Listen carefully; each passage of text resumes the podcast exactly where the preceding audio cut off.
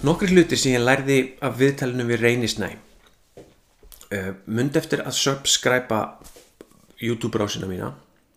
Kíkt inn á gítar.is eða langar í kennslu og öll viðtölin og úrdrættina í úr viðtölunum getur þú fundið inn á Spotify. Númer eitt. Findu það sem þú fílar og læriðu það. Það skiptir nefnilega mjög miklu máli fyrir áhugan að vita hvað mann langar að læra og hvert mann langar að stefna.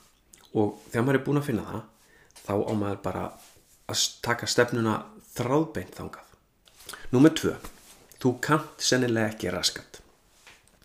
Reynir talaði um það þegar hann var á söðokrúki og kemur svo söður, hvernig skiptingin var skrítin frá því að vera aðalgítalegarinn á söðokrúki, kannski sá eini sem var á hans leveli, kemur svo söður og það eru fullt fullt af miklu betri hljóðfæralegurum heldur en hann.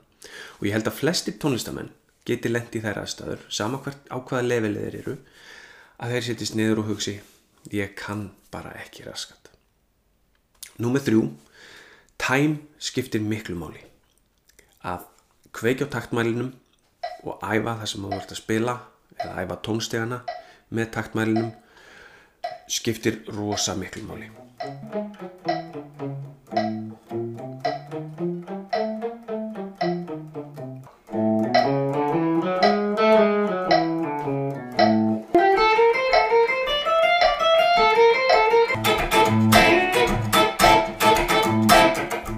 Númer fjögur. Að hafa réttan kennara á réttum tíma og ekki vera smeykur við að skipta. Því að sum stundum passa maður bara ekki við kennara sinn og stundum er maður að hitta frábæran kennara á vittlisum tíma. Svo ekki vera smeyk við að skipta um kennara ef þeir eru ekki að smella. Númer 5. Ekki gera það ef þér finnst það ekki töff. Svo að ef þú ert að spila, búin að finna hvað þú vilt gera og sest svo á skólabekk í FIH og ert sendur heim með alla diastandardana og þú ert bara ekki að fíla það, ekki gera það. Reyndu að halda þig við þína leið en verður samt opinn fyrir að læra það sjálfsög en fyndu þína leið og fylgdu henni eftir. Númer 6. Vertu með opinn huga. Reynir talaði um það að hann hefði alltaf litið á sjálfansin sem gítarleikara en ekki tónlistamann og sá sig ekki sem tónsmið eða lagarhöfund. En í réttu aðstafunum, eins og í skólanum út í Breitlandi sem hann er í, þá uh, opnaðist það fyrir honum. Að það er bara tónlist innræð með honum sem hann vil komast út. Svo að vertu með opin huga, hafðu alla möguleika að opna. Númer sjö. Vertu smekklegur og þjónaðu tónlistinni sem þú ert að spila. Þjónaðu læginu. Eh, Reynir talaði um að hann spilaði öðruvísi og hugsaði hlutina öðruvísi þegar hann var að spila með Jóni Jónssoni eða þegar hann var að spila með öðrum artista.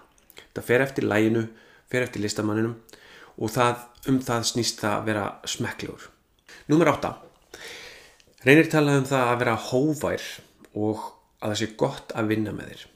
Málið er nefnilega uh, að það sé gott að vinna með þér það er aðeins fyrir ofan hvað þú getur spilað. Því að frábær spilari endist ekki lengi í projekti ef það er leiðilegt og erfitt að vinna með honum. Svo vandaðu við það að það sé þægilegt að vinna með þér.